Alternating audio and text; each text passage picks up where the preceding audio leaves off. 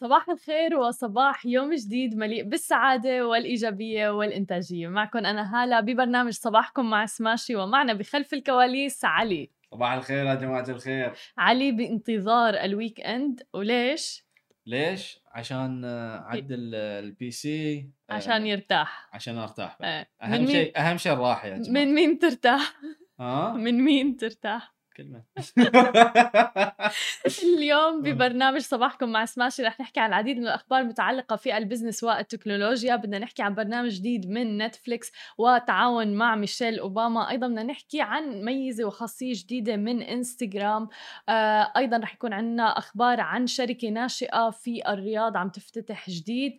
آه فخلوكم معنا وخلونا نبدأ أول أخبارنا ونحكي عن أول خبر معنا لليوم. مثل ما ذكرنا آه عن نتفليكس تحديدا.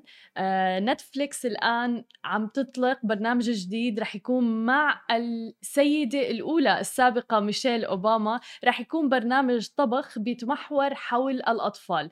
رح تبثه منصه البرامج نتفليكس بالإضافة إلى ظهورها أيضا بالبرامج رح تكون ميشيل أوباما منتجة تنفيذية في برنامج وافلز وموتشي واللي رح يكون أيضا متاح للبث ابتداء من 16 مارس يعني آه، بعد شي شهر تقريبا. آه، وبضم البرنامج الموجه لجمهور الصغار السن. دميتين رح يحملوا اسم وافلز وموتشي بينما بتظهر آه، ميشيل أوباما ببرنامج على انها مالكة متجر سوبر ماركت حيث رح يتبع هذا البرنامج رحلة الثنائي وهن عم بيحاولوا إنه يصيروا طهاة أو إنه يطبخوا. وقالت نتفليكس في بيان إلى وصفت مقدمة البرنامج إنه بمساعدة الوجوه الجديدة الودودة مثل مالكة السوبر ماركت السيدة أوباما عربة التسوق الطائرة السحرية كدليل لهما بينطلق وافلز وموتشي في مهمة للبحث عن مكونات عالمية. عم نشوف العديد من المشاهير عم بيتجهوا آه لمواضيع متعلقة بإنتاج برامج للأطفال تحديدا. أيضا شفنا بالعائلة المالكة في بريطانيا أيضا إنه عم بيتجهوا لبودكاست خاص في الأطفال أيضا. فهذا الموضوع بدل إنه في تركيز على المشاريع الإعلامية إنها تكون آه، مخصصة لفئة الأطفال آه، لأنه بالتصريح اللي تم على نتفليكس واللي قالوا فيه إنه هن الفئة المستهدفة هن المستقبل أيضا. فايضا رح يتم إطلاق بودكاست جديد وبتتمتع شركة باراك وميشيل أوباما آه، أيضا بصفقة إنتاج متعددة السنوات مع نتفليكس فمن المتوقع إنه يكون في برامج أخرى آه، من إنتاج نتفليكس بالتعاون مع ميشيل أوباما.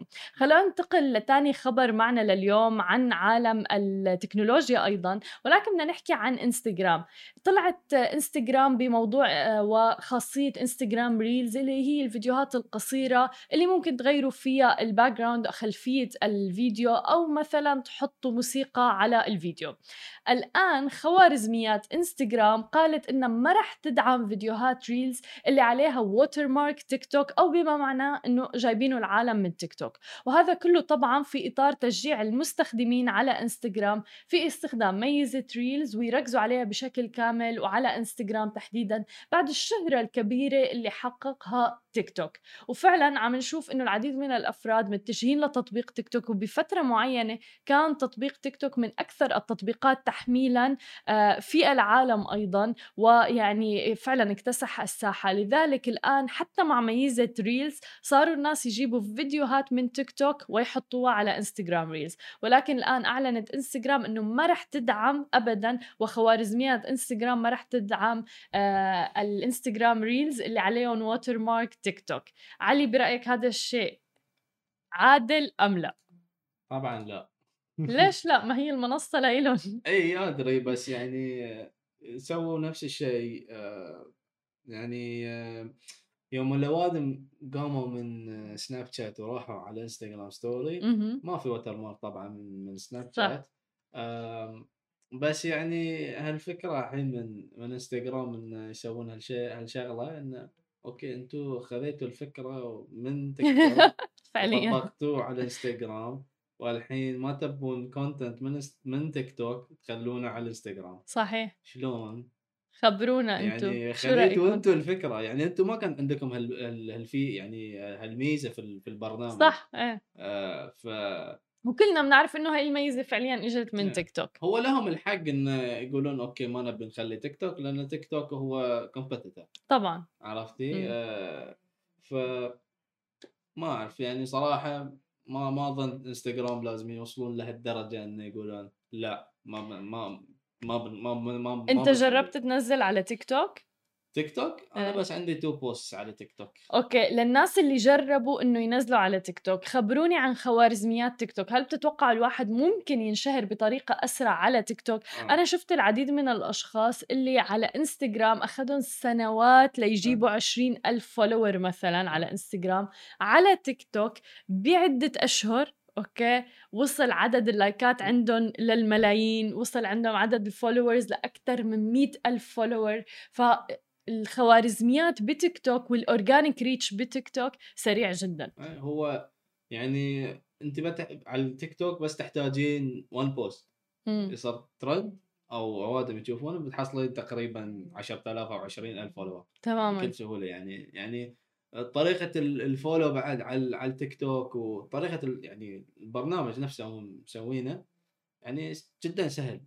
تطبيق يعني حتى إذا اوادم ما يشوفونك ومو مسوين لك follow انت already بتطلع randomly يعني صح. آه، بتطلع على اي بتطلع على ال feed إيه زين لأن في two sides في صح ال feed اللي أنتم متابعينه في ال side الثاني اللي إيه. هو مو متابع أصلا أنت يوم تدشين تيك توك ما بتفوت على ما- الهاي أيوه ال followers لا. تدشين على اللي ما ما تسوي لهم. مليون بالمية فهاي هاي شيء حلو يعني على انستغرام لا أنت بس تشوفين feed الاوادم اللي أنت تسوين فولو مليون بالمية وأصلا لا ومو بس هيك أنت كتير نحن في منا منسويين follow لناس وما بيطلعوا ال posts تبعهم على ال feed تبعنا بسبب. خوارزميات. انستغرام اللي كتير صعبة بصراحة يعني وأصلا بيضلوا يغيروا فيها. يعني مثلا الآن إنستغرام هلأ الخوارزميات لحتى يطلع ال post عند عدد أكبر من الناس لازم تعملوا save لل post تعملوا له share و comment وبعدين like مم. قبل كان بالعكس كان لما تعمل like و comment لل post خلص هذا أهم شيء. ولكن كل ما الناس save ت ال post كل ما ارتفع ال post وظهر عند ناس أكثر. ف آه، يعني ملفت هذا الموضوع بمنصات التواصل الاجتماعي. خلينا ننتقل لثالث خبر معنا لليوم وتحديدا عن أعمار مولز. سجلت أعمار مولز إيرادات بقيمة 3.51 مليار درهم في عام 2020 ووصل إجمالي الربح الصافي لعام 2020 إلى 704 ملايين درهم بتراجع 69% وقال محمد العبار مؤسس شركتي أعمار العقارية وأعمار مولز إنه خرجت أعمار مولز من عام 2020 أقوى مما كانت عليه سابقا. بعد ما واجهت ظروف عمل تعد الأقصى طول الجيل يعني طوال الجيل كامل فعلا. ومكنتنا إنجازات سابقة واستثماراتنا الاستراتيجية لبناء مستقبل رقمي من التكيف وهذا اللي شفناه بكل الشركات حتى الناشئة موضوع المستقبل الرقمي وبالإضافة إلى المرونة والتكيف هن كانوا فعلا سبل النجاح في فترة كورونا.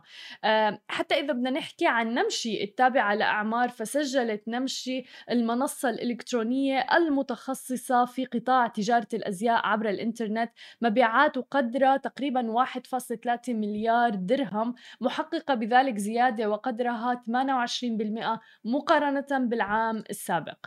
وبيعود الأداء القوي اللي حققته نمشي إلى النمو الهائل اللي شهدته الأسواق في السعودية تحديدا انضمام 283 علامة تجارية إليها وتوفير أحدث الصيحات لعملائها حافظت معدلات الإشغال في أصول أعمار مولز اللي بتشمل دبي مول دبي مارينا مول وحتى مجمع الذهب والألماس وسوق البحار وأيضا مراكز التسوق ضمن المجمعات السكنية على أدائها المرن في عام 2020 اللي وصل إلى 91% وفي إطار سياستها لتخفيف الأعباء المالية الناتجة عن جائحة كوفيد 19 آه، على تحديدا مستأجري العقارات وتحديدا عقارات التجزئة لديها. أيضا حماية الشركات الصغيرة والمتوسطة قدمت أعمار مولز أكثر من 1 مليار درهم في المراحل الأولى من تفشي الفيروس عالميا. ولضمان استمرار هذا الدعم طوال عام 2020 قامت الشركة أيضا بتمديد هذه السياسة مع بداية كل ربع من العام وأيضا ستتواصل حتى 31 مارس 2021 على أقل تقدير. والحلو اللي شفناه أيضا بأعمار أنه أيضا خففوا ال- يعني ال- موضوع التأجير رسوم التأجير على المستأجرين في المحلات التجزئة لأنه كانت يعني فعلا شيء عبء ثقيل جدا على الموج... الناس الموجودين بمتاجر التجزئة. خلينا ننتقل لآخر خبر معنا لليوم عن شركة أعلنت شركة الأسهم العالمية الإيرلندية للتكنولوجيا المالية عن عزمها لإنشاء مقر رئيسي لها بالشرق الأوسط وتحديدا في الرياض. ودخلت في شراكة مع الأهلي كابيتال اللي هو الذراع المصرفيه الاستثمارية لأكبر بنك تجاري في المملكة العربية السعودية. بتدير الشركة اللي بتتخذ من كورك مقر لها خطط مشاركة الموظفين لبعض أكبر الشركات في العالم ولديها 16 مكتب حول العالم. رح يكون مكتب الرياض هو مركز لمنطقة الشرق الأوسط تحديدا ورح يكون تحت إشراف المدير الإداري الجديد للشرق الأوسط عبد الهادي الحرز. فالآن إذا بدنا نحكي عن تحديدا المدير الإداري الجديد فهو بيتمتع بخبرة بتزيد عن 15 عام في التحول الرقمي أيضا في الخدمات المالية وعمل سابقا مع أرامكو في السعودية. السعودية وأيضا سيسكو وأوراكل. وتم إنشاء نظام خيارات مشاركة الموظفين لأول مرة في سيليكون فالي في كاليفورنيا وبيوفر أيضا للموظفين فرصة الحصول على أسهم في آه، شركة صاحب العمل. غالبا ما رح يتم استخدامه كطريقة لتحفيز الموظفين وتحديدا موظفي الشركات الجديدة واللي سريعة النمو والنمو آه، سريعة آه، الوتيرة فيها. حتى يتمكنوا من كسب حصة من نجاح الشركة. كجزء من توسعها في الرياض رح توظف الأسهم العالمية 20 موظف. رح يتحدثوا تحديدا باللغة العربية. ورح تطلق قريبا بنسخة عربية من بوابتها الإلكترونية وأيضا آه، تطبيق الهاتف المحمول رح يكون متوفر أيضا. قد دخلت الشركة حتى الآن في شراكة مع الأهلي كابيتال اللي مثل ما ذكرنا هو ذراع الأوراق المالية وإدارة الأصول والخدمات المصرفية الاستثمارية التابعة للبنك الأهلي التجاري اللي هو أكبر بنك تجاري في المملكة. الأهلي كابيتال هي أكبر مدير للأصول في المملكة العربية السعودية بأصول مدارة بقيمة 168 مليار ريال سعودي يعني حوالي 44.8 مليار دولار أمريكي اعتبارا من يوليو 2020 من المملكة العربية السعودية رح تخدم الأسهم العالمية الشركات في الكويت البحرين عمان قطر ودولة الإمارات العربية المتحدة أيضا.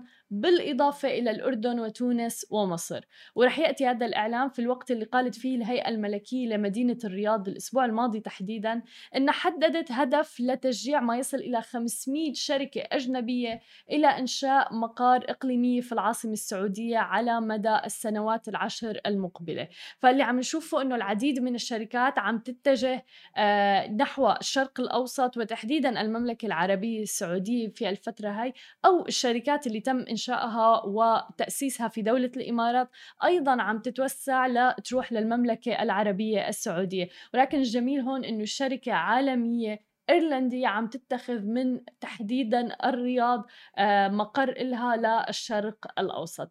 هذه كانت كل أخبارنا الصباحية لليوم. ما تنسوا تتابعونا على كل مواقع التواصل الاجتماعي الخاصة بسماشي تي في. وتسمعوا البودكاست تبعنا وتنزلوا الابلكيشن نهاية أسبوع سعيدة للجميع.